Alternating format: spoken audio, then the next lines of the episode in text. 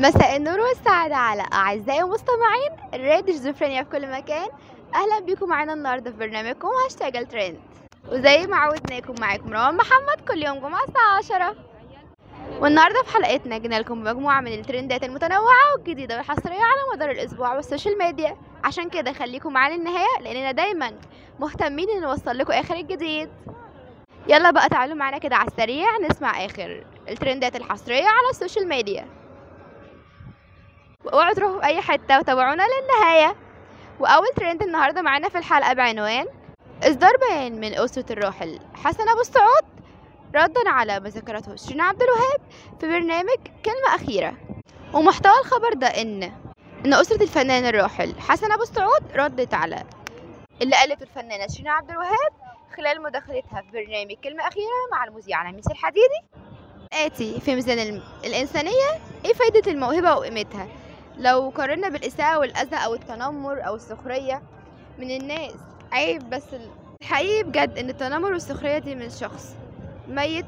مش هقول شخص أو كان معاه عايش أو كان معاه أو بينا عيش وملح وفضل علينا لأن قليل الأصل مهما يتنسي وينكر ده عادي لأن الإساءة لشخص ميت مستوى أقل انحدار من الشر والدناءة دي. خليكم معانا عشان تعرفوا كل تفاصيل المحتوى ده. وأضاف كمان بيان وقت الحساب. المسيء هيقول لربنا إيه؟ هيقول له لا ما تحاسبنيش اني بتريق على ميت أو بجرحه أو بجرح محبيه أو اسرته أصلا أنا موهوب أو مشهور أو غني أو ايا كان. لا ما تحسبنيش أصلا أنا احسن فنان في الكون.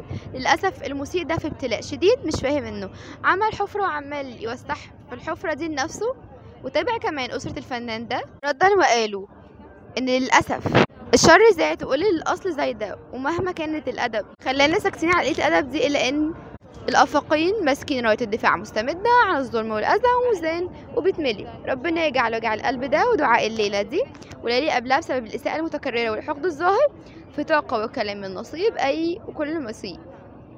وختموا البيان ده كلمة أخيرة حسن أبو السعود الله يرحمه. شكرا كان قمر وشخصية كان دمها عسل وسكر طيب وكريم ومتواضع ومثقف وبيتكلم. ثلاث لغات أجنبية. كان دايما لابق في كلامه. ندعي له الرحمة. وان ربنا يرحمه. خليكم معانا. لسه في ترندات وأخبار أكتر. معانا في الحلقة. وتاني ترند معانا النهارده في الحلقة. بعنوان الإسكان عن فرض الرسوم على ممشى أهل مصر. الجزء العلوي متاح مجانا. تعالوا معانا بقى عشان نعرف كل محتوى الخبر ده وأهم تفاصيله النهارده. أكد الدكتور إبراهيم عبد الخالق إبراهيم مساعد وزير الإسكان إن ممشى أهل مصر كان مجاني وما زال مجاني. ولكن قال خلال مداخلة هاتفية برنامج MBC مصر تم صرف تقريبا ما يقرب من مليار جنيه على المراحل الحالية لممشى أهل مصر. وقال كل شهر بيتم صرف ما يقرب من 2 مليون جنيه مصاريف صيانة وأمن وتشغيل وهكذا.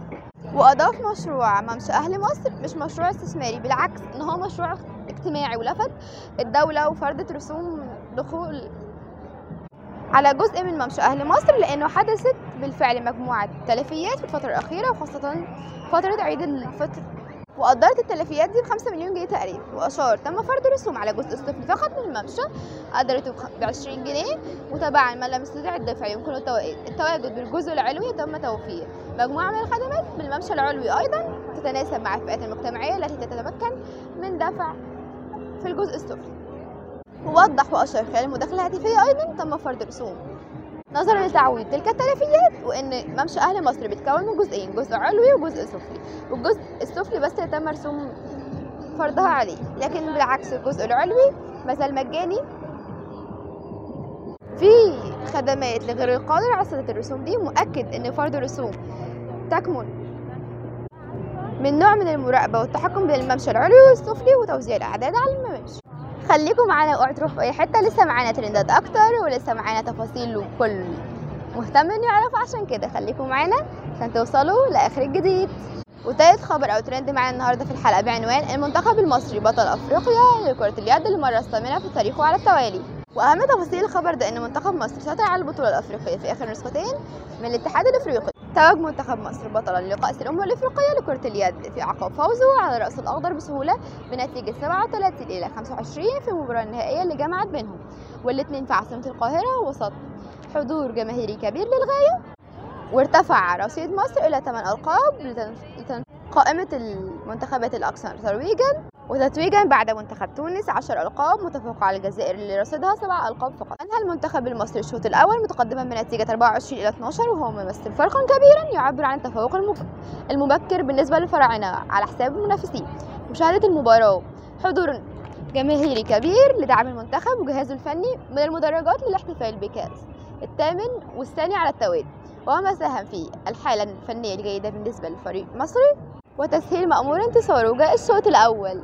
قويا في بدايته تعادلا خلال المنتخبين أكثر من مرة حتى بدأ المنتخب المصري مع تسجيل ربع الأهداف في التقدم وازداد الفرق تدريجيا عبر تألق لاعبي سيسي وعلي زين ويحيى خالد ويحيى الدرع. وأنهى الشوط بفارق 12 هدف فيزيد ب 24 إلى 12 في الشوط الثاني حاول المنتخب الرأس الأخضر ولكن تألق الحارس محمد علي حال تناغ الفريق وكمان كانت الرأس الأخضر تتمنى إن هي تصاب في المنتخب ونجح وكانت تتمنى إن هي يبقى في زيادة فرق لكن للأسف ما قدروش. وخد منتخب مصر منافسات تحت قيادة مدربيه روبرت ضمن كل من كريم هنداوي والممر عفوا المرمى المخضرم وزميله محمد الطيار بالإضافة لأحمد الأحمر ويحيى خالد مجموعة من اللاعبين. ودي كانت نهاية حلقتنا النهاردة. خليكم معانا.